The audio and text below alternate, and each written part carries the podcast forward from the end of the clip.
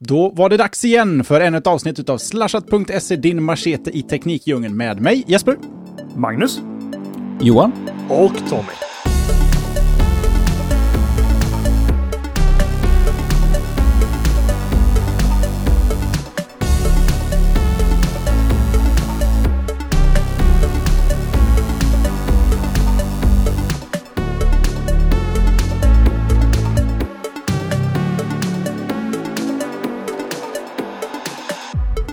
Avsnitt 282 den 12 augusti 2014 sitter vi här.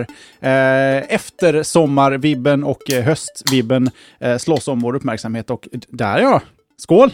Skål på den. Välkomna! Tack. Ah, tack. Känns skönt att öl i halsen här bara. Sånt som händer. Förra veckan så spillde du öl. Ja, det gjorde jag. Det har gått bra nu. Jag har hittat fläcken. Den är borta. Och det var veckan efter jag spillde öl. Över ditt, hela ditt tangentbord. Just det. Och idag är Johan orolig att spilla över sitt tangentbord. Jajamän, det, vinet känns som att det kommer, det, det kommer liksom sätta sig ordentligt det här vinet, för, till skillnad från er öl, tänker jag. Och jag dricker vatten. För Ja, att jag, jag är två veckors eh, heads up här nu. För Helena och graviditet och förlossning och grejer. Så nu får jag inte dricka längre. Jag kan ju liksom inte vara full och säga att Helena du får köra själv till akuten och föda. Ja, Men jag, jag sitter där Du bredvid. skrattar nu, men eh, det, det hade ju funkat alldeles utmärkt. ja, ja verkligen. Nej men så det, det är så i slutet på graviditeten. Då får man lugna ner sig lite. Jag kan, inte, jag kan väl ta, i och ta en öl, det var ingen större problem. Men jag kände att idag är vatten skäligt för det här syftet. Vad ska vi göra här ikväll Jesper? Oh, vi ska prata massor. Ska vi göra? Och eh, hur brukar vi göra nu? Jag har nog inte riktigt fått in rutinen på... Eh, vi- är bara uppe i 282 avsnitt. Vi har Eh. glömt att proma på senare tid. Ja, frågan är om vi inte eh, skippade det medvetet. Var inte det ett beslut vi tog? För att hålla det lite som en... Så att man inte öppnar... Det är lite som att öppna alla julklappar lite grann och sen öppnar man dem stort. Det är roligare att öppna dem en och en, så, så vet man inte. Då bestämmer vi det. Men förra veckans poll ska du redovisa i alla fall va? Ja, det ska jag göra och eh, det var ju en eh, hetsk... Det hetsk kanske det inte var, vi är väl ganska överens. Men vår eh, frågeställning till er lyssnare var helt enkelt, hur ofta laddar du din mobiltelefon? Ni fick tre alternativ. En gång per dag, mer än en gång per dag eller mindre än en gång per dag. Och vinnare ur den här segern med 54% av rösterna blev en gång per dag. 36% av er däremot laddar mer än en gång, idag, än en gång om dagen. Också en liten 10% kvar som laddar mindre än en gång per dag. Jag tar och börjar fråga Magnus, hur ofta laddar du din mobiltelefon? Jag röstade faktiskt på mer än en gång per dag. Av egentligen den. Jag, jag, jag har, mitt, mitt behov är egentligen att, att ladda den en gång per dag. Men sen är det ju det att eh, man är lite sådär slapp. Och så sätter man sig i bilen på väg hem från jobbet och eh, slänger upp telefonen i laddan. Eller i, i den här eh, fina hållaren i, i vindrutan, drar på Waze. Och då är ju laddan i per automatik nästan. Så eh, då blir det ändå en laddning till där. Så att eh, två gånger per dag för min del. Det är inte en behovsladdning riktigt, utan det är mer Nej, en, det är det en, en underhållsladdning för att eh, du Ja, kan. För, för att jag kan. Precis, så är det. Men ja, hade nog klarat mig med en, en gång per dag, men det känns lite fult att rösta på det. Johan? Jag vet. Jag röstade mer än en gång per dag för att det är så jag känner att jag har behovet av det. Men det kanske har varit nu i semestertider. För jag inser att nu när jag började jobba så räcker ju mobiltelefonen skitlänge. Det tycker jag är märkligt. Samma känsla här också faktiskt. Det är jättekonstigt. Och extra Jag ligger på, jag ligger på 12, 12 timmar här nu och jag har 35% kvar. Så att jag kan nog, det kan nog ligga och lurka lite till den här telefonen. Där. Men extra uppenbart är det när man åker utomlands. Om man ska roama, om man ska hoppa mellan wifi-nät, om man ska wasea, om man ska google mapsa och det ska vara foursquarea säkert om man är intresserad av det. Det är vid lunch så bara oj, jag behöver ladda min telefon. Och då är man i en situation man inte har laddare nära oftast när man är utomlands. Nedrigt. Det där tror jag är en situation som Jesper känner igen eh, bara från förra veckan och då var vi inte ens utomlands, eller hur var det Jesper? Jag vet inte om det har med just det att göra, utan att jag har inte riktigt förstått vad, vad problemet är. eh, Med, jag, jag skyller fortfarande på iOS-betan som fortfarande slurpar batteri. Jag är glad för Johans skull att han lyckas få bättre batteritid när han jobbar. Men eh, jag har ju laddat min mobil tre gånger idag. Oj då. Men det måste ju vara ett betaproblem. Ja, eller hangouts-problem som tar 30% trots att jag inte har startat appen.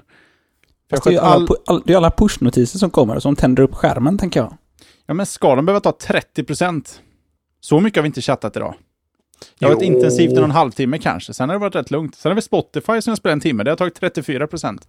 Så jag vet inte vems felet är, men eh, jag har i alla fall röstat på mer än en gång per dag. För sedan iOS 8-betan klev in så har det varit eh, lite, lite kämpigt med batteri. Sen lider jag ju av någonting som Johan helt uppenbarligen inte eh, lider av. Vilket är eh, någon sorts räckvidd, räckviddsångest. Att jag, även när inte batteriet är helt slut så är det där och laddar lik förbannat. För man vet aldrig när den kommer börja superladda ur nästa gång. Och då är det lika bra. Och 100% är alltid en bra startpunkt. Det, det, alltså, man, man ska ladda när man har möjlighet att ladda, det håller jag med om. Jag laddar en gång per dag och jag kör ju OnePlus här nu. Jag har faktiskt 70% batteri kvar efter 12 timmar och 21 minuter. CPU governing är the shit alltså, att sänka CPU-hastigheterna när man inte använder telefonen. 70% 12 timmar. Är Okej. Är, det- är det på, eh, på OnePlus One? Japp. Men den kör 4.4. Nej, den kör ju Cyanogen mod. Och de har... Ah. de- För att den, den var lite seg i scrollningen nämligen. Tänkte jag, vad fan Mm. vad slö, slö den var. Men de har ju ashårda sådana här governing. Att den sänker CPU till 3, till 300 MHz. Eh, Ibland. Och det är klart det laggar lite. Så jag ändrade till 1000 MHz som lägsta. Och det, batteriet är ju bra på den här enheten kan man ju säga. Eh, Men det var inte det vi ska prata om nu. Jag lovar att prata lite mer om OnePlusen i nästa vecka. Men eh, ja, en gång om dagen brukar vara. Det på natten. Eh, Den håller från när jag drar ut den vid sju snåret på morgonen och den till klockan 10, 11, halv 12 på kvällen. Den håller När du stoppar in den igen. Ja, som man brukar säga. Kommer det nyheter snart? Det kommer komma nyheter. Eh, som vi sa, vi, vi, låt, vi du, eh, går igenom förra veckans poll innan för att komma igång lite med snacket. Första, först så har vi lite follow-ups eh, den här veckan. Eh, första follow-upen som är kanske en ny programpunkt här där vi går igenom, inte går igenom, men vi följer upp på, det som namnet antyder, följer upp ett ämne från förra veckan. Men några korta, korta ko- kommentarer för lite mer har hänt. Johan, du står för första follow-upen. Ja, eh, vi har ju fått lite sköna diskussioner på vårt forum om eh, förra avsnittet. Om folk som inte eh, höll med oss. Och det älskar vi ju. Mm. Det är alltid skönt att, att säga folk, eller att prata eh, ut till eh, massorna här och eh, när folk, det är skönt när folk säger ifrån. För att om folk bara sitter tysta och inte och sitter och håller med eller inte håller med i det tysta så blir det liksom aldrig någon spännande, rolig diskussion. Så det är skitkul här att folk har gett sig in till forumet och skrivit lite. Eh, och eh, det är eh, Loranga eh, som eh, börjar med att eh, han inte håller med om vårt eh, Rysslandsämne. Eh, och han tycker att det är bra att, för, att olika länder kan få tillgång till eh, källkod från olika företag och eh, på grund av de lagar i USA och, de, och eh, staten, statens press på företag i USA på vad de tvingas göra i avlyssningssyfte och sådär antar jag att han eh, eh, syftar till eh, i det läget. Har vi något, är det någon som har kommit till någon insikt här på det här ämnet det senaste? Är det någon som har läst de här, eh, de här inläggen? Det har Tommy inte gjort än för jag hade mycket åsikter just eh, om detta runt i förra veckan. Så att eh, jag håller mig lite passiv här. Ja, Mm. jag, får, jag får nog också hålla mig lite grann passivt. Jag har, eh, har man semester va, så har man zonat ut lite grann. Jag får sitta och läsa på här. Ja, det är Men sant. Johan, Johan, du har väl ändå läst va? Jag har läst, eh, jag har läst med och jag, jag tycker att det är, och det var lite det som vi var inne på i förra veckan, eh, att jag tycker nog att det är bra att man kan få tillgång till att syna källkoden. Eh, Men det betyder ju fortfarande ingenting att man får göra det, för att man måste ändå lita på företagen att det faktiskt är den källkoden som sen kompileras och vi faktiskt kör. Det vet vi ju inte. Att bara visa upp koden säger ju liksom ingenting. Eh, Så att eh, jag tycker att det är, bra att man är inne och slänger in, eh, slänger in lite bollar där i, i forumet. Men det känns som att vi håller med varandra fast använder lite olika ord. Alla är vänner helt enkelt. Alla är vänner. Det tycker jag är skönt. Och sen så eh, tycker Laranga också att jag har fel eh, när det kommer till EA Access. Eh, och han tror inte att det kommer sabba för billigare och mindre spel. Eh, och han syftar på att titta på Steam, att där har det blossat upp ett väldigt indie-community kring, kring spel och sådär. Så att eh, vi eh, transitionar till dig Tommy, eh, lite grann med EA Access. Så får du berätta lite grann, för du har ju testat det nu. Det har jag faktiskt gjort, eh, för det var så bra förspänt att i natt så gick det ut information om att EA släpper EA Access eh, till alla. Det var ju en beta under förra veckan när vi pratade om det. Eh, och det måste ha varit en beta ett tag för det gick ju väldigt fort för dem att få ut det till alla. Så jag var uppe tidigt som, eh, som få och drog hem den här EA Access. Det funkade ganska dåligt till en början, men det hade nog att göra med att alla gjorde som jag och gick upp tidigt för att dra hem EA Access till sin Xbox One. Jag kom inte in och servrarna var överfulla, men till slut fick jag igång ett konto och sen så fick jag det installerat. Eh, och som sagt var, jag ville bara göra en liten follow-up här lite i det, vad, hur det funkar, för många är säkert nyfikna på detta. Eh, jag har skrivit eh, till då, smutt som fan för att svära lite eh, i sakens skull. Men vad jag trodde och var orolig för att det skulle vara är att detta skulle vara en Netflix-variant. Alltså Netflix som är att du går in i en applikation för att titta på video. Eller Spotify. Du går in i en app för att lyssna på Spotify. Eh, men det är inte alls faktiskt vad EA Access är. Utan man, man, man köper egentligen en speciell typ av tillgång i Xbox Store. Den här butiken som är integrerad i själva Xbox eh, One-miljön. Eh, och så helt plötsligt då när du har betalt den här och du betalar också genom Xbox, eh, ditt Xbox-konto för eh, EA Access. Så att du, inga extra, skriv inte in några extra kortnummer eller någonting, utan det som Microsoft hade är det som, som man tar betalt via då. Eh, och helt plötsligt då, så alla EA-spel som ingår i Access blev gratis i Microsofts Xbox Store. Så igen, man behöver inte gå in i någon EA Access-app för att köpa spelen eller ladda hem dem, utan allting bara finns helt plötsligt då i den här stora globala butiken. Eh, så det, det är någon form av köpproxy mellan dig som användare, EA och Xbox Store på något vänster. Vilket gör det, och menar, när, när du när du köper ett spel, eller du bara installerar det, så installeras det precis som om du hade köpt spelet på Xbox Storen. Så det blir intressant att se hur det funkar när man slutar prenumerera, om man säger upp sin prenumeration, för att du startar ju spelet i Xbox eh, One dashboard, när det kallas för, precis som vilket annat spel som helst egentligen. Um, och eh, sen ska också nämnas det att ett spel som hamnar i deras Vault, det de kallar för Vault, alltså ett spel som är en del av EA Access kommer aldrig tas bort från EA Access enligt EA själva. Sen så finns det lite, lite neggo runt detta också. Det kan, kan, kan vara att många tycker om att gnälla snarare än att hylla, men det var några som skrev att eh, jaha, det är bara EA Access-användare som får tillgång till Madden 15 bet eller demot för att det blir exklusivt då för EA Access-användare istället för att göra det tillgängligt för alla. Men så är det också att du får väldigt mycket exklusiva förhandstitlar. Plus också att du får spel fem dagar innan de släpps i butik. Vilket är lite intressant. Eh, jag låter positiv, jag är faktiskt väldigt positiv. Jag, jag trodde inte att det skulle vara så här transparent egentligen. Jag förväntade mig att behöva lägga in mitt Visakort igen, skapa ett Origin-konto, eh, och hela den biten. Och sen så skulle jag behöva gå in i en speciell app för att starta mina spel. Mina save games skulle inte läggas på rätt ställe. Jag, var, jag gick in i det här med väldigt låga förväntningar för att EA står inte jättehögt i kurs hos mig. Men eh, Eh, Eh, jag är imponerad. Jag tycker det känns spännande. Och eh, det här var lite mer, eh, eller en längre follow-up än vad vi egentligen vill ha, men jag kände att så många var säkert nyfikna då på hur EA Access funkar. Så jag, jag, jag köpte, så att säga, Fifa 14 och spelade en match. Och så behöver jag inte spela det mer, för jag får det tekniskt sett för, vad blir det, 150 spänn per år eller någonting. 250 spänn kanske. Någonting sånt där. Jeppe, du, du, du är först på tur här med åsikter. Shoot! Ja, det här var ju mitt ämne från förra veckan och det är kul att du har fått eh, testat det och eh, har lite faktisk eh, erfarenhet av det. Eh, en fråga bara. Mm -hmm. Hur kan du se alla spel som ingår i EA Access? Eh, ja, och då får man gå in i EA Access-appen och där ser man volten om man säger så. Och där kan okay, så det finns fortfarande en, ja, inom citationstecken, en app där du kan se vad som ja. ingår? Kallar det för en genväg? Ja, men precis, för annars måste du gå igenom varenda spel i hela Xbox-storen för att hitta dina Volt-spel då. Exakt, det var därför jag tyckte det lät så konstigt att du tyckte att det var, det var ett positivt att det, att det är transparent. Jag har nästan föreställt mig att allting sköttes från någon sorts egen app. Av den enkla anledningen att EA Access inte, och här är min största kritik till det, inte helt enkelt är allting EA gör. Nej, men det, det, det, tror jag ska vara lite tanken att de ska rulla in med fler och fler titlar. Det kommer inte bli pinfärska titlar först in i den här i en Volt-variant. Eh, men det kommer säkert bli att, alltså förra årets kanske topptitlar, Battlefield 4 är ju med till exempel här i, dock inte några premiumpaket. Och sen en grej som jag glömde säga, eh, har du ett EA Access-konto så får du automatiskt 10% rabatt på alla EA-spel i Xbox-storen. Uh, jag menar Amazon Prime-aktigt. Ja, men för... lite åt det hållet faktiskt. Faktiskt. Ja, är det inte så här? Man- Jonasson, du hade lite funderingar.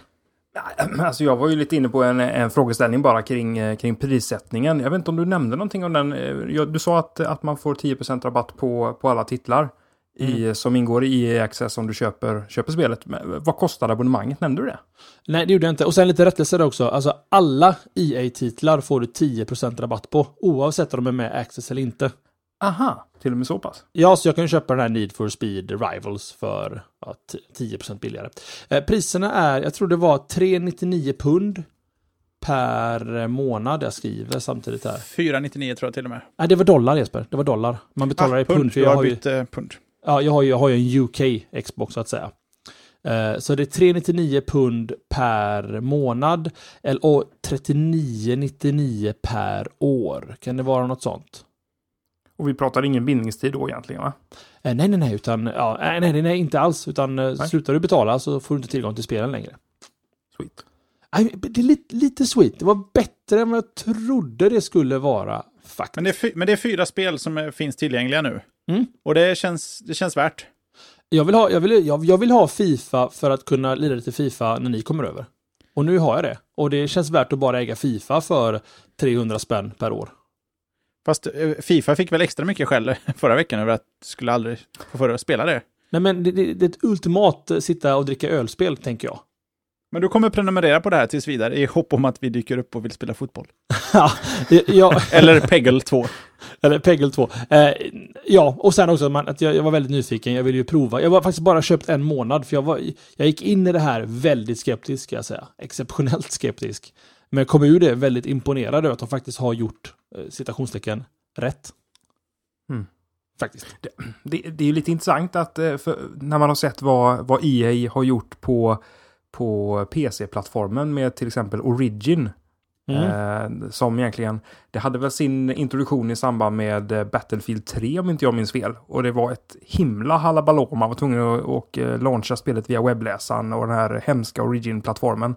Eh, och den, alltså den har ju den har fått utstå mycket spott och spe. Och så kommer de med en sån här lösning som, eh, som jag... Ja, det låter som om den är... Nu är de, på, nu är de på, verkligen på rätt spår. Det är de. Och sen så Men- kan, man kan tycka och tänka vad man vill om EA också. Johan? Nej, alltså det, det är ju knappast EA's påfund att det ska fungera på det här viset, utan det är väl snarare Microsoft som har sagt att det är så här det kommer fungera. Om ni vill göra det här så är det våra regler som gäller. Det, det är lite, jag. lite magkänslan faktiskt på något vänster. Fa- Fast... eh, Vet du vad, vi pratade om detta förra veckan. Vi inte ta det ett varv till. Eh, Jag tycker att eh, man får vara här på eftersnacket. För då kommer vi prata mer om det en annan dag. Johan, du hade en liten follow-up till va? Ja, och jag tänkte bara köra en avslutande på den också. Att jag, jag tror ju fortfarande att det här kommer sabba för mindre spel. För det innebär att spel som kostar pengar gentemot spel som man själv upplever som gratis för att man har betalat en årskostnad för det. Jag tror inte att man kommer köpa sådana spel. Men det, är- ja, vi tog ju det i förra, förra avsnittet. Så att jag, det, det Man kan lyssna om det det från, från tråden. Så att man lyssnar på det igen. Och eh, håller ni inte med mig då så eh, skriv i det här, eh, den det här veckans showtråd också. Så kommer Så- det som feedback nästa vecka. Jajamän, Så- så blir det en skön loop på det här. Japp. Eh, ja, jag hade en liten, eh, en eh, liten follow-up till på Oat. Eh, som eh, har en liten follow-up på vårt eh, porr och e-sportsämne. Eh, och eh, han säger mycket bra grejer och bland annat så säger han att eh, det som vi inte tog upp, det argumentet som vi inte tog upp, som han ser det som det enda riktiga argumentet mot att man inte ska ha porrföretag inom sport och e-sport, det är ju att det är barn som tittar. Barn och unga. Och det tycker jag är en väl vettig åsikt att lyfta fram. Mm. Det är ju Verkligen. helt sant. Det, För det var ingen av oss, vi, vi, var, vi spekulerade allihopa nästan, tror jag, utifrån eh, att vi ville att, det, att e-sporten skulle bli mer mainstream, att det skulle växa ännu mer. Eh, snarare än att de som redan tittar på det. helt sant. Man Helt utgår ibland från sig själv lite där, vilket är olyckligt att göra. Men vi är ute proffs eller? Det är bara för roligt. På skoj. Bra! Eh, det, det var, lite av liten follow-up. Eh, en sektion som vi tänkte ta ganska kort egentligen. Bara för att det fanns mycket att prata om här om EA Access så blir det lite för långt. Nu är det dags för ämnen. Jag har ångan uppe så jag går på mitt ämne som ändå står först i vår lista här. Det har skett ganska stora ändringar borta hos Google. Som ni alla vet så har ju Google olika signaler som de använder för att eh, egentligen ranka hur högt upp din sajt eller en sajt egentligen kommer i Googles sökresultat. Google är av, av förklarliga skäl väldigt försiktig med att berätta vad som är en så kallad eh, eh, rank-signal. Eh, bara för att så fort de säger att gör ni så här så kommer ni höga resultaten så kommer alla försöka göra det. Det är väl egentligen det som SEO går ut på egentligen, Search Engine Optimization. Eh, men under onsdagen, alltså dagen efter slashat där, så gick Google ut och meddelade om att de nu kommer att tolka HTTPS som en viktig SEO-signal. Ehm, det innebär rent krasst egentligen att sajter som har HTTPS snarare än vanlig HTTP kommer att anses vara viktigare i sökresultatet och således då placera sig lite, lite bättre. Eh, det- är en förhållandevis stor ändring faktiskt. Dels att Google går ut och säger det, men också någonting nu då som alla SEO-medvetna webbmasters egentligen måste jobba lite med. Eh, sen kan jag också nämna, alltså här fick jag faktiskt lite rättning av Jeppe, eh, men alltså att lägga till HTTPS på en sajt är egentligen inte en enkel grej. Förutom då att det är kostsamt, man får nog räkna med ett par 300 lappar per år i en återkommande kostnad bara för det så kallade certifikatet. Eh, så, så måste ganska många ändringar göras på servernivå om man säger så, alltså i Apache eller Nginx eller motsvarande. Eh, och är man på en delad host, mot, kanske till exempel, eh, och då, då skrev jag ett exempel, City Network till exempel, skrev jag som ett exempel i mina show notes, men de var jättesnabbt framme och sa att det var väldigt lätt att göra det i City Network. Man köper ett cert och så eh, helt plötsligt så bara funkar det på den, din delade miljö, eller så kan du ladda upp ett existerande cert och det är ju jättebra att det är så enkelt att göra. Men är det så att du sitter i en situation där din där din eh, webbleverantör eller din, eh, din delade eh, webbhost inte har den möjligheten. Så det är sällan man får gå in och ändra i Apache-inställningar. Fick jag, sa jag det rätt där nu?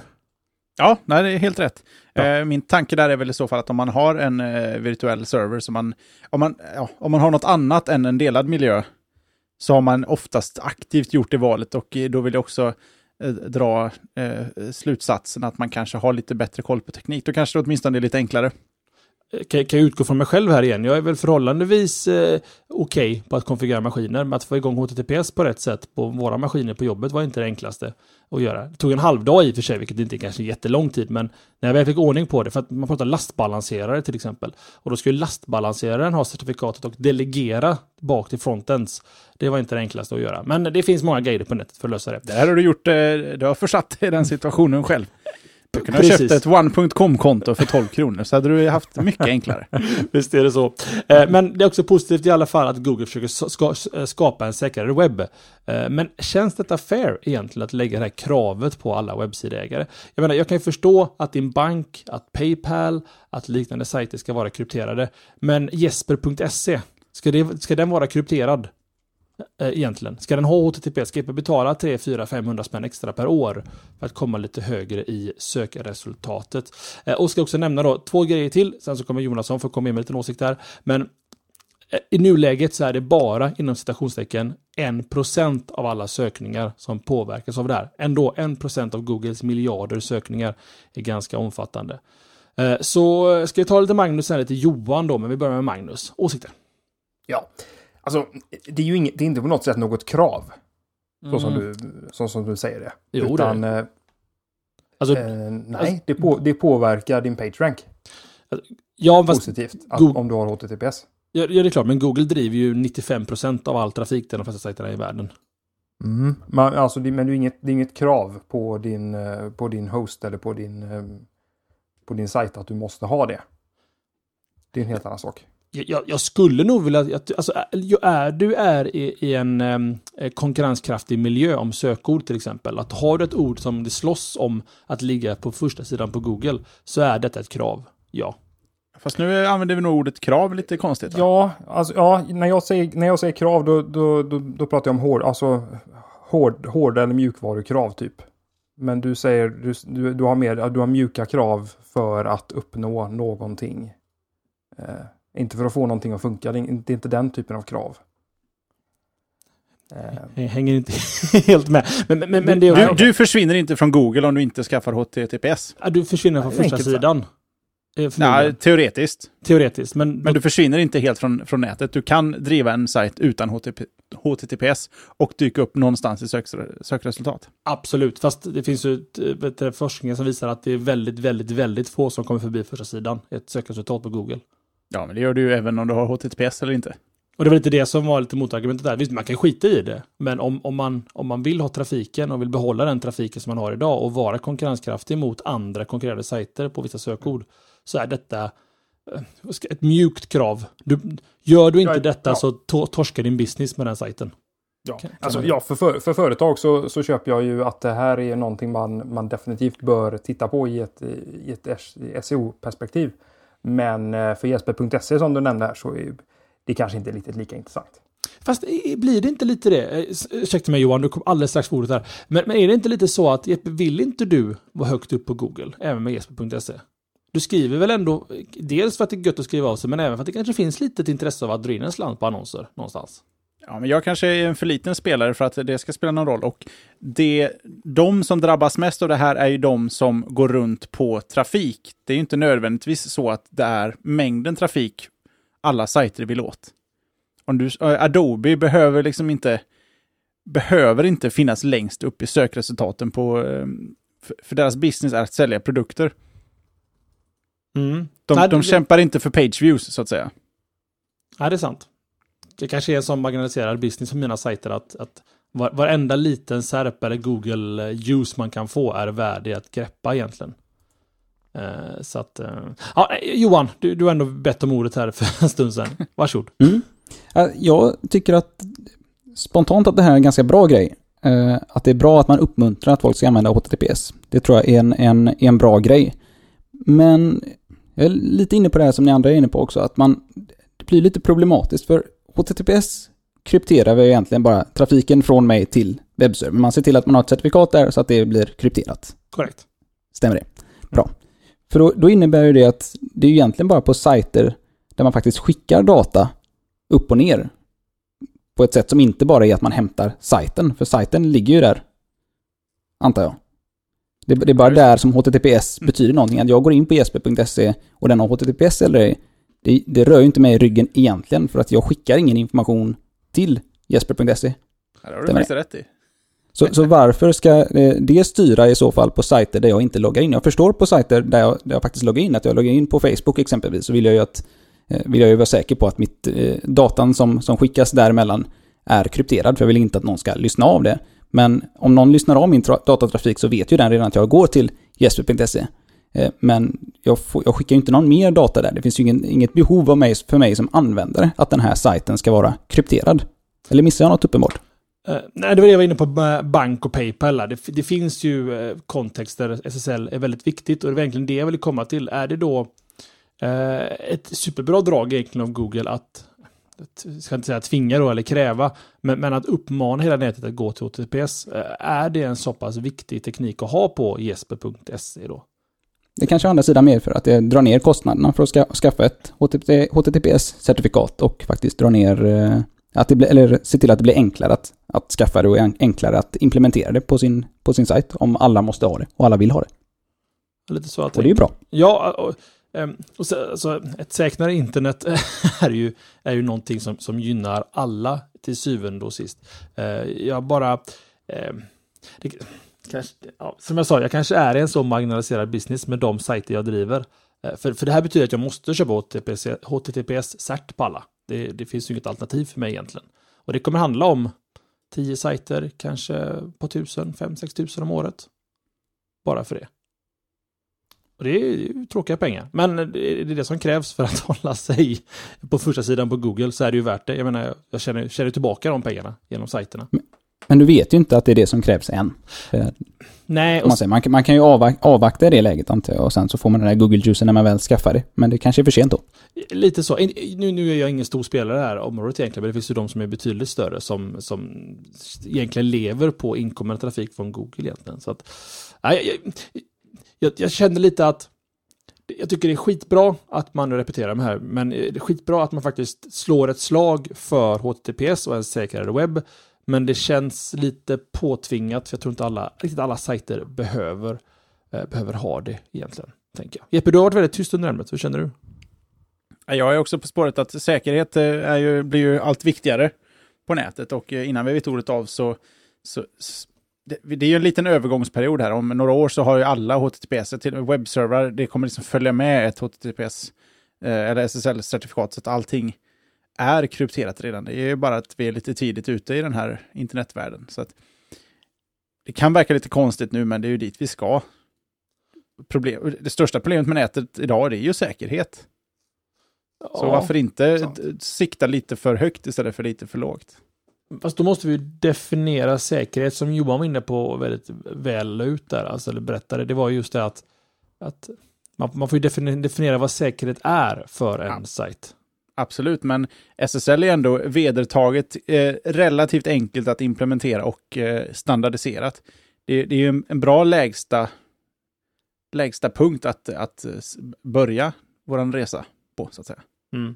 Ja, det, det är sant, sant, sant. Och det är klart att ni har åsikter, våra kära lyssnare, och ni får ju en chans faktiskt att kanske vara med i en follow-up på nästa vecka ifall ni har några bra åsikter. Det finns en topic som Jonasson har skapat för den här veckans eh, show, om ni har åsikter på det här. Så, nu är det någon annans tur att låta lite. Jag tror det är Johan, va? Är Jeppe det? Jag kan tänka mig, och, oj, nu blinkar det här. Nu, nu kan det ryka när som helst i inspelningen. Nu är det Oskar, minsann. Varför är det bara på tisdagar? Det var du som noterade det idag, Tommy. Ja, det är, tydligen är tisdagar. Vad var det du sa Johan? Att det var... Att det är den här laddningen i luften som alltid eh, urartar runt åtta snåret är på tisdagskvällarna. Är. Och. Briserar. Och när jag skulle ta mitt ämne, då, då var det nära att kulminera, så att säga. Så ta det fort. Ta det fort. Mhm. Ja, men då drar jag mitt ämne, för det är ju tydligen eh, så pass eh, elektriskt. Ja, vad var det jag skulle prata Jo, jag ska prata om att eh, Microsoft eh, sakta men säkert börjar få ordning på, på eh, ja, det ena och det andra. Vi har ju pratat om Microsoft rätt mycket i den här showen, men eh, den här gången så är det den intressanta nyheten om att de eh, så småningom tänker tvinga Windows-användare till senaste supportade versionen av Internet Explorer, vilket just nu i skrivande stund är version 11. Det kommer ta lite tid att eh, få över alla på, på det här spåret. 12 januari 2016 är sagt, sagt som, som deadlinen. Um, det kan hända att det kommer en eh, i1 12, i1 13 innan dess.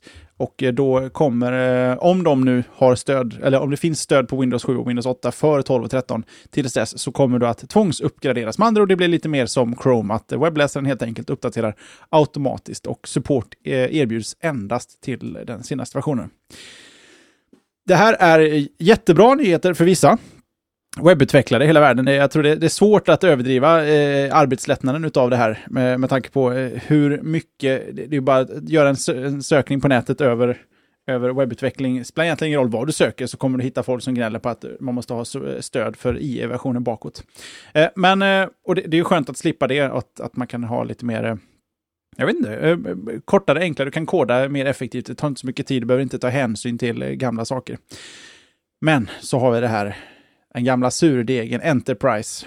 En hel värld som rullar på, som till för inte så länge sedan rullade på IE6, som numera eh, har det mesta uppbyggt runt IE8. Det kommer sätta lite press på IT-avdelningar runt om i världen när de ska försöka lösa det här på något fint sätt. Microsoft gör det enkelt för sig och hänvisar till Enterprise-läget i eh, Explorer 11. Och det tillåter någon sorts bakåtkompatibilitet, men eh, enligt eh, de som har reagerat på den här nyheten har testkört många av sina IE8-applikationer i Enterprise Mode i Internet Explorer 11 och eh, fått eh, dåliga nyheter så att säga. Det är inte särskilt mycket som fungerar i det här läget. Men å andra sidan, de som jobbar med IT på företag som har suttit och eh, bara kunnat slappa med IE8 för att det har varit godkänt, det är kanske dags nu att göra um, skäl för sin lön. Och jag vet inte, Magnus, eh, inkluderar jag dig här? Du jobbar väl ändå... Eh, du, du känns närmast av oss en IE8-installation på något vis. ja, jag tror faktiskt att du kan ha rätt här. Eh, Jag är väl en av de få av oss som, som eh, ja, du jobbar ju i och för sig också i Windows-miljö. Men ehm, ja, alltså jag ser ju på alla, på, på, vår, egen, på vår egen miljö och på många av våra, eh, våra kunders miljö till exempel att det är ju en del äldre versioner av, av IE som existerar därför att man kör programvaror som, ja, som helt enkelt inte har stöd för iE10 eller ja, i 11 då, eller som sagt ens IE10. Och ehm, Eh, som sagt, alla som utvecklar eh, eh, webbsajter och sånt, jätteglada. Alla som utvecklar programvaror, inte riktigt lika glada. De måste ta sig i kragen och eh, shape upp och, eh, och fixa det här i 11-stödet då. För precis som du nämner så är det är ju verkligen inte så att det går att köra i något riktigt kompatibilitetsläge i, eh, i 11 eh, för att få någon typ av bakåtkompatibilitet. Det, det funkar ju inte. Håller jag med om också. Och det är ju någonting vi kör på jobbet nu, att försöka få upp alla till, till 11 då. Eh, för att det ska kunna gå out automatiskt. För 11 är väl inte en särskilt dålig webbläsare? Egentligen. Den bästa IN någonsin eller? The best Ja, det är väl den bästa EN. Det, det får vi verkligen hoppas, men den, är- den är inte så fasligt förskräcklig i övrigt. De har lite svårt att, att hålla sig i skinnet, men ja, å andra sidan, med den pedigreen så är det ju så är det ju lätt att verka bättre än vad de är. Eh, Johan, har inte du eh, sagt någon gång att eh, webbutveckling, nej, aldrig. Det finns inga snygga hemsidor på internet har du sagt Johan. Jag sitter, ju- jag sitter med bara webbutveckling. Jag sitter och, och spyr galla över Internet Explorer. Jag sitter och spyr galla över Internet Explorer 11. Men eh, ja, nej, det, det, den är väl den bästa hittills. Spyr du mindre galla över 11 än till exempel 8 Nej men de ligger alltid så långt, alltså de, de ligger så långt, ja det gör jag. Ja, jag Eller, det. nej, Internet Explorer question. 8, man vet någonstans med Internet Explorer 8 vart man har den. Man, man vet att det här kommer suga om vi kommer göra det här för Internet Explorer 8. Då kan man liksom lämna det bakom sig. Men i11 och de här, i, i, i 11 och i 10 och även i 9 som också så här kommer mycket lovord. De har liksom smugit sig in lite grann och man känner att ah, ja, men de användarna kör de nya Internet Explorer-versionerna. Det är klart att det kommer fungera bra på de här. Och så gör det ju aldrig det. Nej. Ja, men de, de har ju, nu är vi i, Internet Explorer 11 är den första som stödjer WebGL va?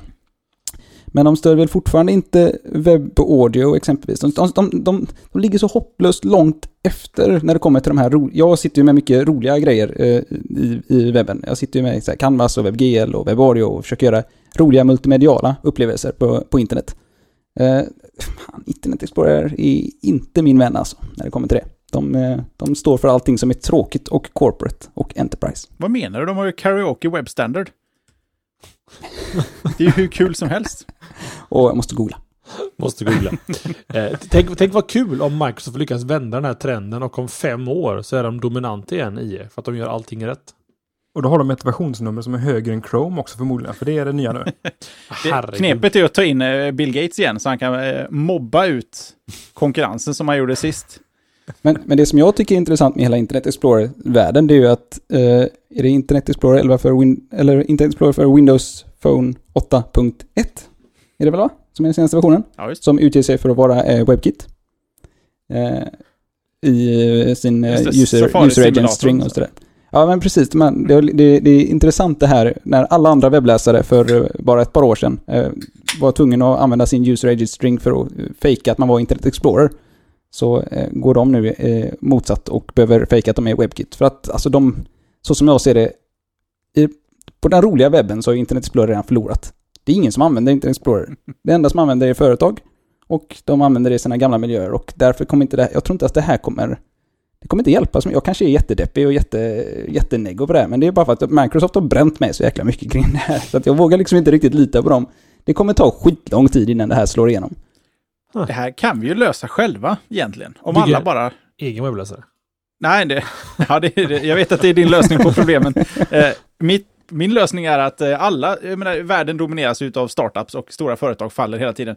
Att alltid ha någon som, alltså i sin arbets, eller sin stora eh, beskrivning, eh, verksamhetsbeskrivning, att bara utveckla för moderna webbläsare. Så om det ser illa ut i i 8 så fine. Det är ju vad de förtjänar och det, det enda sättet att få förändring är att saker slutar fungera. Nya tjänster ska inte produceras med IE8-stöd. Browsehappy.org. E, eller kom. Sånt- Browsehappy ja.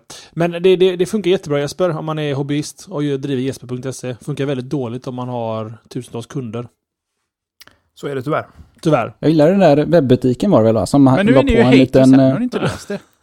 Ja, men, men den där webbutiken som gjorde någon slags, eh, la, la på ett par procent för att man hade inte Explorer 8. Ja, just, Just det. Det Så, så, bra. så såg man det i sin checkout chart sen. Att ja, men här har vi lagt på ett 200 spänn för att vi ska hålla en sida uppdaterad för dig. Ja, Det, det är ändå det är ändå en schysst, det tycker jag är en schysst lösning. Nu jobbar inte jag med saker och sälja saker på det sättet, men annars hade jag lätt gjort så.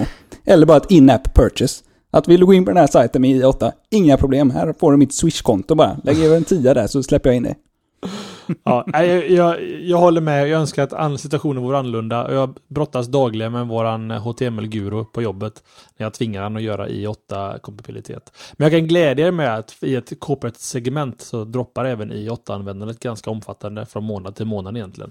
Bland våra kunder. Som är rekryteringsföretag huvudsakligen. Så att det, det går åt rätt håll i alla fall. Man får nog bara hålla ut ett tag till med i8 kompabilitet.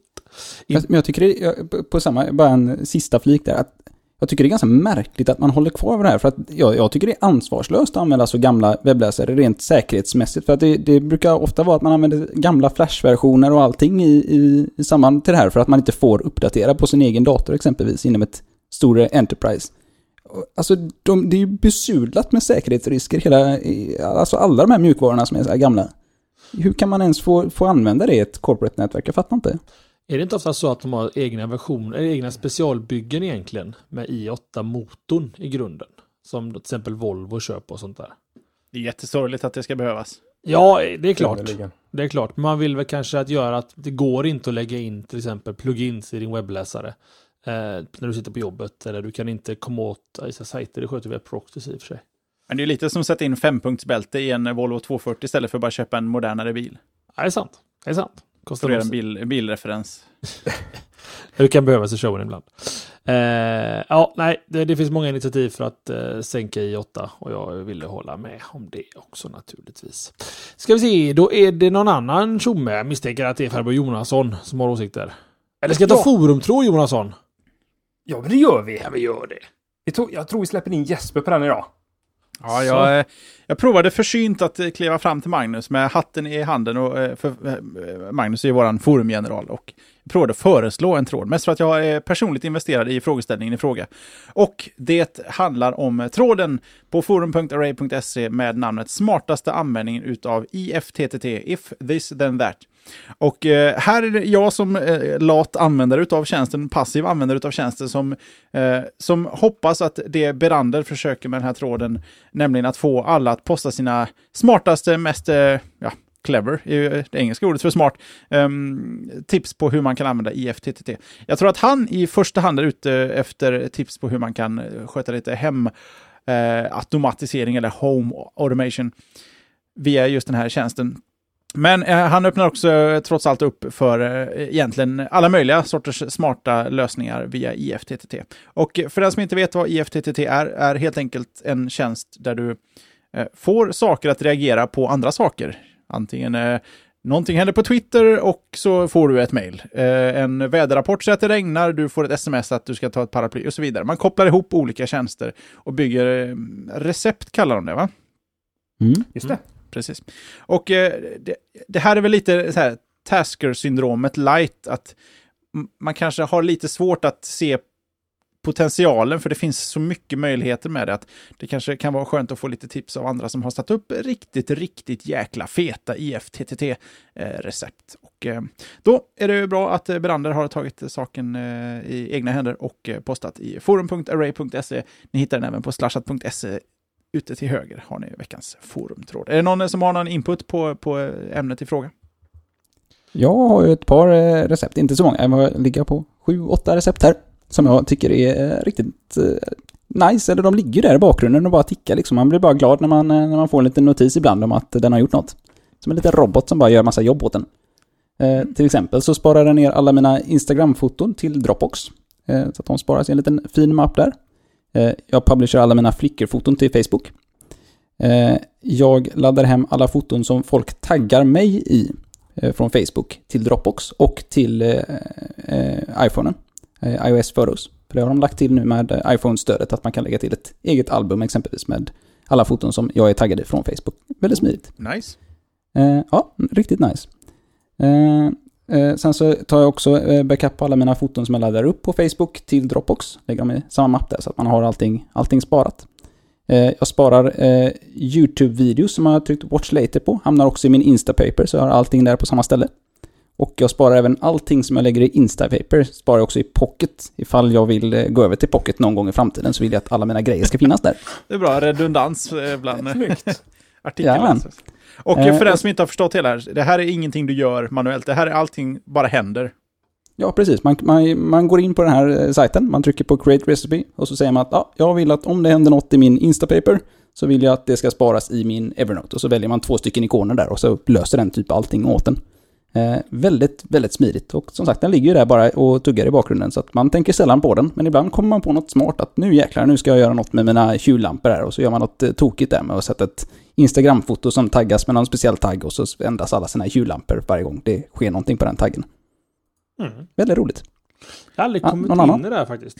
Jag, jag, jag älskar sånt här egentligen. Jag vet inte varför jag inte riktigt brytt mig om If This Then That. Man kan känna att det är 15 minuters delay på allting. Alltså, Du är mer var- realtid. ja, det var ju min, eh, min spontana reaktion när jag började försöka göra lite recipes för att koppla till eh, Hue-systemet hemma. Att man får ju vänta en kvart i värsta fall innan det händer någonting och då är kanske den häftiga händelsen förbi. Det är riktigt Jag tror att det- jag tror att det är lite olika Ambilight. grejer. Vad säger du Johan? Det känns som att det är lite olika, för det beror lite på... Jag tror att Hune känns som att den är nog lite delay på, men mycket annat känns som att det är push på, för att det är, saker och ting händer väldigt snabbt. Eh, När jag till exempel eh, YouTube Watch Later eller något, eller Insta, kanske är beroende på hur ofta deras recept används på något sätt, att den pollar oftare. Jag vet inte riktigt. Men det, man, man ska ju kanske använda det för saker som inte är så tidskritiska. Det ska ju inte ske på nanosekunder nödvändigtvis kanske. Nej, men, eh, Nej, det, är, det är lite- så man är van med, med Tasker. Eh, Det var försökt att lägga orden i mun på dig, på dig där Tommy nästan tror jag. Eh, Att det, det ska ju ske med en gång och ah, det är nog lite därför jag har dragit mig. Du var inne på man, Tommy. man behöver inte göra samma sak med dem. De här är ju väldigt knutna till eh, webbtjänster som inte Tasker är exempelvis. Den är ju mer knuten till vad du gör på telefonen. Medan de här är ju mer knutna till allting som händer på den här webbtjänsten. Jag kan ju exempelvis spara alla grejer som jag favoriserar i min Instapaper kan jag ju lägga i ett eh, Google Docs Excel-dokument eh, med, med celler. Och man kan liksom göra intressanta grejer där man skyfflar runt informationen på ett sätt som man inte kan inbilla mig med Tasker i alla fall. Om inte det har hänt väldigt mycket med Tasker sen Eh, jag använder det på min Android. Nej, Johan, du är på rätt spår. Detta är ju som en internetrobot egentligen som, som du säger, flyttar saker mellan olika webbtjänster medan Tasker är ju mer ehm, håller koll på saker som sker runt omkring mobiltelefonen. Om den kommer in i ett nytt wifi eller är nära en mast den känner igen eller att den springer, man rör på sig och så vidare och så vidare och så vidare. Eh, så jag, jag ska nog sätta mig ner. Jag ska scrollat nu kanske åtta, åtta sidor av Browse Recipes Trending. Eh, fan, jag, vet, jag har ingenting spontant där, men jag ska nog sätta mig in i det. Det kan nog vara kul. Jag kan gilla detta. Vad säger ni killar? Ska vi gå vidare till eh, Jonassons faktiskt, eh, faktiska ämne här? Om inte Jeppe har någonting stort att säga. jag tänkte bara nämna att det naturligtvis finns på array, forum.array.se i kategorin mjukvara snedstreck spel. Och smartaste användningen av IFTTT, frågetecken, utropstecken, frågetecken utav Berander. Så in där och ett tips om era bästa. Och låter det konstigt så är det så att det är Oskar hemma hos dig Jonasson va? Herr Oskar något kopiöst ska ni veta. Till och med vi hör Det in i showen. Coolt. Det till Det låter som ett att, tåg. till och med så att regnet hörs rakt in här. Det är som ett white noise som ligger uppe på hela eh, streamen här. Live and Herregud. direct. Ja, verkligen. Jag får, jag får lika bra köra mitt ämne snabbt här nu så att eh, jag inte åker ur under tiden. För, Får jag prata? f- Nej, Ja. Nu hittar jag ett recept där på If This Then That. Mark watch later on YouTube and save it to pocket. Enkelt. Ja, klockrent. Ja, det är bra. Ja, illa. Jag köper detta direkt. Och behöver inte ske omedelbart per sekund. Utan Nej, nej, nej, nej. Ja, jag gillar detta nu. Älskar detta. Jag har alltid kört If This Then That. Ja, perfekt. Är du nöjd nu Tommy eller? ja. Och sen, Mitt recept där med Instapaper, det var bara no, no, no, no, no. Så det, är inte, det här är aldrig intressant. Men Pocket, woo! tweet Happy. New Year. En tweet kvart Happy... efter. liksom. En kvart efter, ja. Oh well. Facebook, mina vänner. Det har vi aldrig pratat om innan. Så det pratar vi om nu. Och eh, det var nämligen så att jag läste en, en intressant artikel i veckan här. En, eh, en kille som heter eh, Matt Honan, tror jag. Jag tror hans efternamn uttalas så. Han jobbar på eh, Wired i vilket fall som helst. Och han utför ett litet socialt experiment på sig själv och sitt eh, Facebook-flöde. Genom att under 48 timmar gilla alla inlägg som presenterades på hans Facebook-flöde. Och eh, det här tyckte jag var lite intressant. Eh, han går, han går liksom kort igenom hur hans flöde förändras under tiden. Eh, under de här 48 timmarna. Från att liksom vara inlägg från alla hans vänner till att bli mer inlägg från företag, från politiska partier till eh, extremister. Och han gillar allt. Och hur detta i så fall, ja, och hur detta påverkar hans flöde. Så funderar jag lite grann på jag, jag tänker lite grann på hur jag själv agerar på Facebook. Jag, jag, jag, är liksom, jag är ganska restriktiv av mig. Eh, men innan jag går in på det så, så tänkte jag bara släppa in Tommy, för jag vet att du, du använder ju Facebook enbart egentligen som privatperson. Och, eh, Så dina, dina närmaste, dina nära och kära, familj och så vidare. Tänker du dig för när du, när du likar inlägg på, på Facebook eller bara likar du sidor och, och, och inlägg hur som helst? Jag likar nog inte någonting alls faktiskt. Jag kommer ihåg att jag likade pages i början av min Facebook-aktivitet. eh, Bara för att jag eh, inte förstod vad jag skulle göra med sajten. Sen så slutade, tog jag bort allting jag hade likat för jag började få reklam runt omkring det. Så det enda jag har likat är mina egna sidor på Facebook och slashat.se. Eh, Det är det enda egentligen jag har likat på Facebook. Så jag, jag är väldigt eh, försiktig med det. Jag förstår att, att det, det är en en väldigt stor signal till Facebook och någonting som kommer att påverka mig senare helt enkelt. Ja. Du gör det i ett sätt att kurera ditt eget flöde för att liksom hålla koll på vad det är du, vad det är du får Ja, exakt. presenterat för dig. Johan, du Mm. hänger väl inte så här supermycket på, mycket på Facebook va? Nej. Men jag likar en del grejer. Det gör du? Mm. Tänker du det Eh, för? Eh, jag, jag likar aldrig några inlägg, eller väldigt sällan likar jag inlägg som kommer i mitt flöde. Det ju, kan ju vara något foto här och där från min familj som skickar upp och, och slänger upp tacky foton på nätet. Men och de kan jag ju lika. Men sidor likar jag faktiskt eh, då och då. Eh, Jag vet inte riktigt vad det beror på. Det kanske mest beror på att jag utnyttjar eh, dating-sajter där det eh, kopplas in de där grejerna och kopplas samman sen vad andra likar så att man får en jämförelse med vad man själv likar och andra likar. Ja, du, får din, eh. du bygger upp din datingprofil så säga där. Ja men precis, man, man har gjort det genom, genom Facebook. Eh, och det har varit ganska nice. Men ja, jag, vet, jag tänker inte så jäkla mycket på... Eh, ibland så dyker det upp lite grejer och sen så försöker jag...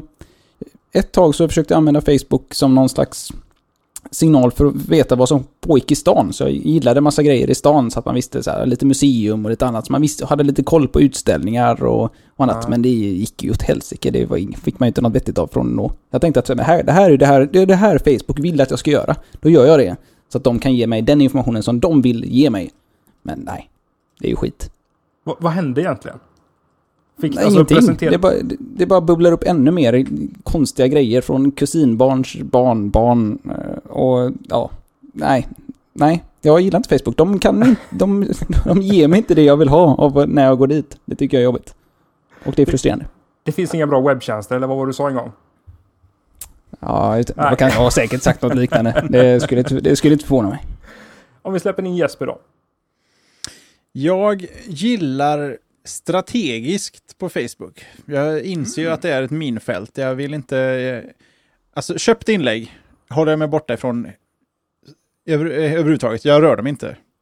Mm. Och eh, jag är också allergisk mot postade länkar till artiklar där jag uppenbart ser att det här är Buzzfeed, det är Upworthy, det är eh, den sortens eh, klickhoreri. Där jag vet att det kommer inte vara värt det. Det är inte sånt som intresserar mig heller. Och det finns ju faktiskt ett sätt att minimera den sortens inlägg. Och jag tycker jag har fått en ganska bra balans nu. För att både företags sidinlägg, eh, köpta annonser och eh, även personer man är vän med går ju att, att man kan ju lära, lära upp Facebook att eh, inte visa den sortens inlägg. Och jag, jag har ett rätt schysst flöde och jag kanske sträcker mig till att gilla lite, lite bilder och något enstaka, någon enstaka kommentar på en diskussion, på en statusuppdatering. Men aldrig där företag är inblandade. Något enstaka företag har jag nog gillat förr i tiden. Det var länge sedan jag gjorde det nu på senaste tiden. Men eh, jag är väldigt restriktiv med det, för det där flödet är ändå ett ställe jag befinner mig på ganska ofta och vill gärna att det ska vara intressant. Och då, eh, det enda sättet att göra det är att strategiskt bete sig så. Att eh, uppmuntra till det som är bra och eh, mm att aktivt välja bort. För det går ju i, likt ogilla kan man egentligen göra på inlägg genom att välja att se mindre av den sortens inlägg. Och då, då kan man få ett rätt schysst flöde. Funkar det för dig? Ja, just det. Det är nästa fråga. Vem var vi frågade vad? Johan. Jag frågade om det, om det funkar för dig. Det funkar Ja, så- jättebra. Du kan alltså eh, Eller markera hur ska jag ett veta det? som- jag kan ju inte jämföra jag efter jag har strategiskt eh, gillat och eh, dolt inlägg jämfört med jag låta bli. Men det, jag tycker flödet har blivit mycket intressantare. Men, men du känner att du får ut någonting av att gå, till, gå, och spana in Facebook-flödet nu i alla fall och, och kolla läget där? Ja, det är inte min RSS-läsare, det är fortfarande en sorts passiv information. eh, det, det är fortfarande inte nyheter som postat där, men det är folk jag är, folk jag bryr mig om som säger saker jag inte alltid bryr mig om. Det, det slår folk jag inte känner berätta saker de inte bryr sig om. Och nyheter läser jag på annan ort. Mm. Det, är, det är så bra jag kan få Facebook, känner jag.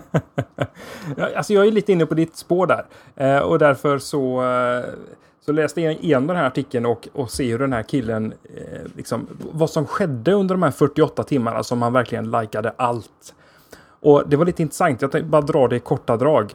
Under, under första dagen så liksom förändrades hans flöde från att, från att vara eh, vänner som skrev inlägg till att bli i princip bara kommersiella eh, budskap.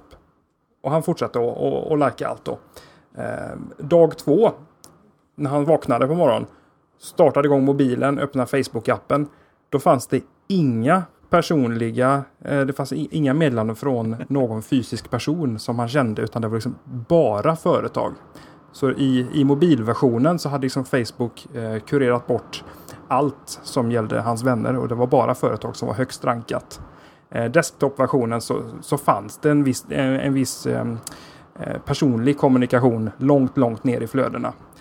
Under dagen, dag två, så spårade allting ur och eh, det blev eh, höger och vänster i politiska extremhåll och till sist så vågade han knappt lajka fler för att vara rädd att hamna på någon typ av eh, övervakningslista för extremister. Och det gick... Eh, slutligen gick det så långt att eh, han blev ju kontaktad av sin gamla redaktör och frågade om hans Facebook-konto hade blivit kapat för att eh, hans vänners inlägg, eller hans vänners eh, flöden bestod numera av 70% av hans likade inlägg. Som då spretar över, som sagt, eh, hela spektrat av okej till inte okej grejer. Det är Alltså- jättetragiskt. Ja, Men, men då- det visar ju bara hur dåliga de är på det här. Alltså om, om, om hans vänners flöden flödar över utav hans eh, aktiviteter så har ju Facebook misslyckats med att förmedla vettig information till alla hans vänner. Ja, verkligen. De, de måste ju verkligen ha prioriterat eh, det, allt det som han gillar. Han har gått en, på en spree där och det är allt det, eller mycket av det presenteras för alla hans vänner av någon anledning då. Uppenbarligen uppmuntras det att använda Facebook mycket. Då får man eh, hög Facebook-clout. Precis. Han, han hade ju, eh, jag bara läste han hade ju tusen, tusen gillningar på de här 48 timmarna som han hade delat ut till allt i sina flöden. Och det är klart att det, det sätter ju spår. Men eh, precis- som, precis som du där Jesper, jag, jag är nog mer av, eh, alltså, jag tänker efter och är lite strategisk. Jag har också sån här ett Facebook-flöde som är väldigt, det är som ett som ett organiskt, eh, litet levande, alltså delikat. Man får verkligen ta hand om det här och se till att det inte växer och blir ett stort monster av det. För då orkar man inte med det. En social tamagotchi. Ja, faktiskt. Något åt det hållet. Det, det måste hållas, eh, måste hålla efter det, verkligen. Annars så drar det iväg. Det blir ett stort monster som man inte kan hantera. Jag måste ju fråga, eh, börjar vattnet krypa upp runt dig under dig? Det är sånt Jag jäkla sitter, till oväsen. jag sitter till anklarna i vatten nu kan jag säga. Ja, men det är bra att har iMacen på bordet. Så. Och då sitter jag inomhus också. Ja, det Jävlar vad det låter. bra. Ja, det, så ska det vara. Vi får se om det hörs i efterproduktionen när jag gatar bort allt. Jag skickar lite regnfil till dig bara så kan du eh, Sampla in det. det, sampla in det där bara. så. Jag har eh, gott om monsun-samples här jag kan eh, damma av annars. Ja, bra. Eh, nej, det var, jag tyckte det var lite intressant för att se vad som, vad som egentligen händer med ett, eh, med ett flöde på 48 timmar. Eh, hur man väl kommer tillbaka efter en sån här spree, det, det framgår inte av historien, men det kan ju vara helt kört för den här killen och hans privata Facebook-konto kanske. Ja, för han måste ha gjort det med sitt egna konto för han har haft vänner och så. Det är ju, det är ju ett Ja. heltidsjobb att bara plocka bort gillningar på alla sajter. Ja, han kanske inte har så mycket vänner kvar efter det här, det vet man ju inte. Kanske lika bra att starta fresh. Oh well. Oh well. Johan, Mhm. siste man ut, rakning. Ja. Och eh, jag tänkte dra eh, lite siffror som eh, Apple släppte i veckan. För Apple av någon anledning eh, släppte massa Europasiffror. Eh, är det någon som vet vad det här kan bero på? Innan, innan jag går in på det här. Har det, har det hänt något som gör att man släpper en sån här rapport? Det känns, som- det känns som en så defensiv grej att släppa en rapport om hur bra allting är. Går det dåligt för Apple i Europa? Det är nästan det man frågar sig. Eller Ja, det, akt- aktieägare som tror det går dåligt i Europa. Eller så är Tim Ja. Cook bara Tim Cook. det, kan, det kan vara så. I alla fall, de släppte lite intressanta siffror. Och de säger att, och äh, man får ta allt det här med en nypa salt, det här ligger på äh, apple.com då, eh, deras egna sajt och det är deras egna siffror. Så att man tar det här med en nypa salt. De säger i alla fall att 497 000 jobb med direkt anknytning till App Store har skapats. Sedan App Storen startade. Och det är ju ganska, jag vet inte, det är svårt att säga, men det är runt 500 000 jobb, det är ju ganska mycket jobb eh, till en, eh, som man liksom har lagt till till den här ekonomin. Nu Eller? pratar vi app, apputveckling egentligen, är väl det det betyder. Ja, det, det är ju lite svårt att säga här. Med direkt anknytning, det blir ju apputveckling, men det kan ju vara en eh, ekonomiansvarig på ett apputvecklingsbolag, antar jag. Absolut, men de jobbar ju där. De har fått jobbet på grund av apputveckling som har gått bättre än snittet. Precis. Fast det- då måste man ju bara räkna App Store unika appar i sådana fall. Mm, Nej. Ja, nej. Jo, Jag tror att, jag, jag tror att de är ganska... som finns där på App Store va? Jag tror att de är ganska breda i sin. De, de, de ser det nog som att de startade den här revolutionen. Sen att eh, Android råkar finnas där på ett hörn, det har inte de med att göra. Utan att eh, de, de två delar de här eh, 497 000 jobben. eh, Det eh, nämner de nog inte, men de förstår nog att det är så. Som du nämnde i början. Plus här- minus en del. Ja, det, det det här är nog friserat lite till Apples fördel också, kan jag tänka mig. Ja. Eh, I alla fall, 6,5 miljarder dollar har betalat ut till utvecklare i Europa. Det är också ganska mycket pengar. Eh, man räknar också med att den totala appekonomin eh, år 2014 kommer eh, lägga till 16,5 miljarder dollar i intäkter till Europas, eh, eller EUs BNP. Jag vet inte riktigt varför de kör allt det här i dollar. Det låter, det låter så, så märkligt när vi pratar om, eh, pratar om EU. Men så är det i alla fall. Eh, De nämner också att det finns ungefär 14 500 utvecklare i Sverige. Jag antar att det är registrerade utvecklare då? Hur många som har ett devkonto egentligen hos Apple i Sverige? Ja, precis. Ja, det, det, det står ingenting om att de har laddat upp minst en app eller något sånt där. Så att jag antar att det bara är hur många har registrerat sig. Det kan ju, bara, det kan ju vara egentligen för att man bara är sugen på att få tag på en betaversion exempelvis. Men ni tror det ändå är betalkonton? Ja, det måste ju Ja, vara det. det borde det, måste det vara. Ja, fast jag har ju ett developerkonto, men jag, har ju inte, jag är inte betal developerkonto, så att säga. Jag har ett developerkonto.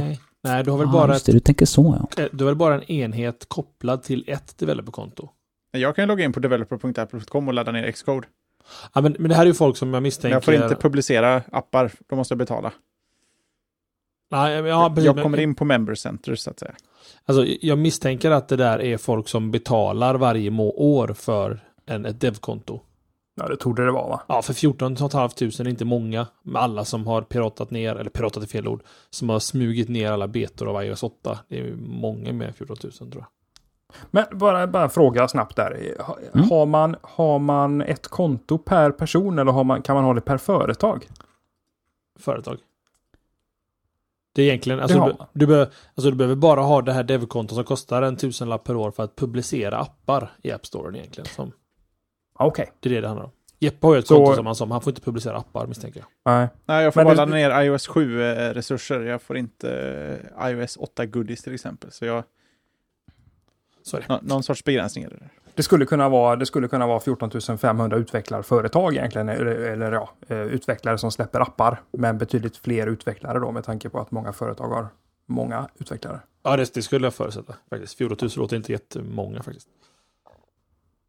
Mm. Mm.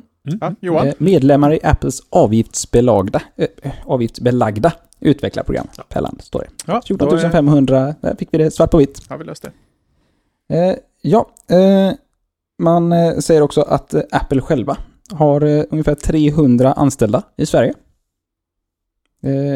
Hur många butiker har de i Sverige nu? Tre? Tre ja. Tre. Am- Tar att de... Täby, Väla och, Och Malmö. Emporium, eller vad heter det? Emporia? Empor- Euphoria. Malmö. Vi kan väl nästan förmoda att de flesta är anställda i de butikerna. Och sen så är det väl säkerligen lite distributionskanaler och, och annat som, som folk är anställda genom. Men det känns väl som att det, det är den största delen. Känns så, med tanke på eh, anställdtätheten i de där butikerna. Nu har jag bara varit i en butik. Det var väl mer grabbar. Just det. Ja, Det just det. är, det är hög... det var 300 nästan i den. Ja, faktiskt. Ja, ja, precis. De är... Du- Du är vågar det- knappt gå in där Jesper va? Nej, Jag har ju så svårt när eh, folk ska... Nej, nej, nu höll jag på att dra världens sämsta jämförelse. Man går runt som en, en liten... En sk- går runt som en skit och ser alla andra flugor där inne. Man bara... De, de, de kan liksom inte hålla sig borta. De... De Vilken springer fram så här, hjular fram till en och så här, gör volter från, eh, för att få, få uppmärksamhet, kalla på uppmärksamhet och grejer så att man Och ska gå fram. Och så är de sådär... Ja. De är härligt käcka bara. Ja, de, Om, De om man vill se exempel på det här. Ja, om man, ja det, är, åh, det är fruktansvärt. Om man vill se exempel på så här eh, på Uber-check bajsnödig video så har de ju även släppt en sådan. Eh, eh, nu i, precis i eh, väldigt breaking innan vi gick ut live här så släppte de en diversity report. Som finns på apple.com slash diversity. Där man kan se de här människorna vara, bajs, stå där och vara bajsnödiga. Eh, och eh, prata om hur eh, bra allt är. Och hur fantastiskt det är för att jobba på ett företag som förändrar världen så mycket. Och i den här diversity-reporten så ser man också att över världen så har de ungefär 70% män och 30% kvinnor i könsfördelningen. Det kändes som att det var den intressantaste statsen utav det lilla som jag hann läsa i den där. Men ja, lite, lite siffror. Men som sagt, ta alla de här siffrorna med en nypa salt. Eh, jag tycker mest det är intressant varför man släpper eh, så här. Det kändes som att det kom helt apropå. Jag har liksom inte hört några nödvändigtvis negativa tongångar kring Apple i Europa eller något annat. Så att jag blev lite tagen på sängen. För det känns, för mig känns det här som ett försvarstal att ja, men nu ska vi, nu har någon hamrat på oss här och säger att, vad vi, att vi gör saker och ting dåligt. Då vill man ju, eh, då vill man visa upp varför man gör någonting bra. Jag, jag har inget bra svar. Jag, jag, jag, nej, som du säger. Det känns bara lite, lite ovanligt. Men de kanske hade gjort templaten och tänkte att då gör vi en fall i hela Europa då. På något vänster. Så kan det vara. De, Sen är det, alltså, nu nu kan inte jag svara exakt om det är så här, men jag vill minnas att frågan runt det här lyftes under något shareholder call. Där eh, Tim Cook lovade att de här rapporterna skulle börja komma och att de kommer att komma regelbundet. Vare sig de är positiva eller negativa, bara för ren transparens. Och det tycker jag räcker som ett bra svar för den här sortens information. 70-30 könsfördelning, det är inte så jäkla imponerande. Nej, det är dåligt. Det borde de jobba med. Absolut, men att de nämner det, det tycker jag är ett bra, en bra början. För då är, har man liksom lagt all, alla korten på borden så, så vet alla också, så ser man förbättringar eller försämringar. Och eh, jag, jag ser inte, det här är, det, det kan verka svagt på något vis. Men jag tycker att det, det är ett, ett, det här nya öppna Apple som jag tycker är intressantare. Att man inte bara slår sig för bröstet med, positiva saker. Ja, bra. Det, det, ska, det ska ut i etern. Och vi ska faktiskt bort från etern i min tanke här nu. För vi är väl klara så här va? Ja, i alla fall med det, ämnen. Ja, men precis. Sen har vi lite efterpersonalia att ta hand om. Jag kan ta, få äran att prata om veckans poll. För att det var väl delvis jag som föreslog pollen och då får man stå för, till svars för det. Eh, hur skulle du föredra att konsumera spel? Eh, köpa spel styckvis eller prenumeration? Eh, det är de två alternativen som vi har. Eh, och eh, som Johan eh, Kottkrill Larsson brukar säga, det finns inga bra spel helt enkelt. Eh, nej då, skämt åsido. Utan eh, saken är egentligen hur, hur alltså, och då tänker vi lite i, i kontext med EA Access egentligen och eh, liknande tjänster på konsolmarknad. Eh, men även PC-marknaden är ju värdig att ta in här. Steam är ju onekligen ett eh, köpa spel-variant då. Så Oh, har- jag, jag, jag bara provar och slänger ur med det. Ja. Eh, 100 spänn i månaden för alla spel på Steam. Hade ni prenumererat på det? Ja, här och nu? Ja. Nej, 200 spänn. det hade inte köpt. Det hade inte gjort. du vill inte ha fler Jag spel höjer. högre, högre belopp. höjer. Nej, jag hade nog inte All- gjort det. Det här ska vi prata om nästa vecka kanske. Oj, ja, det är bra. Fan, jag, jag, 200, det är 1200 spänn per år och jag spelar ju bara i princip Modern, eller vad heter det, Battlefield 4 på min PC. Men hur spel. många spel finns det på Steam? Hundratals. Massor, men så kan man inte tänka. Jag har ju fortfarande inte mer tid att spela för det. Absolut inte, men du har ju just eh, för bara någon timme sedan sagt att eh, en tredjedel av det är okej för fyra spel. Ja, men det, det är ju spel som jag ämnar att spela. Forza, Peggle och Battlefield 4 och ett Unknown. Ja. Inte Forza, eh, förlåt, Fifa. Fifa. Och NFS.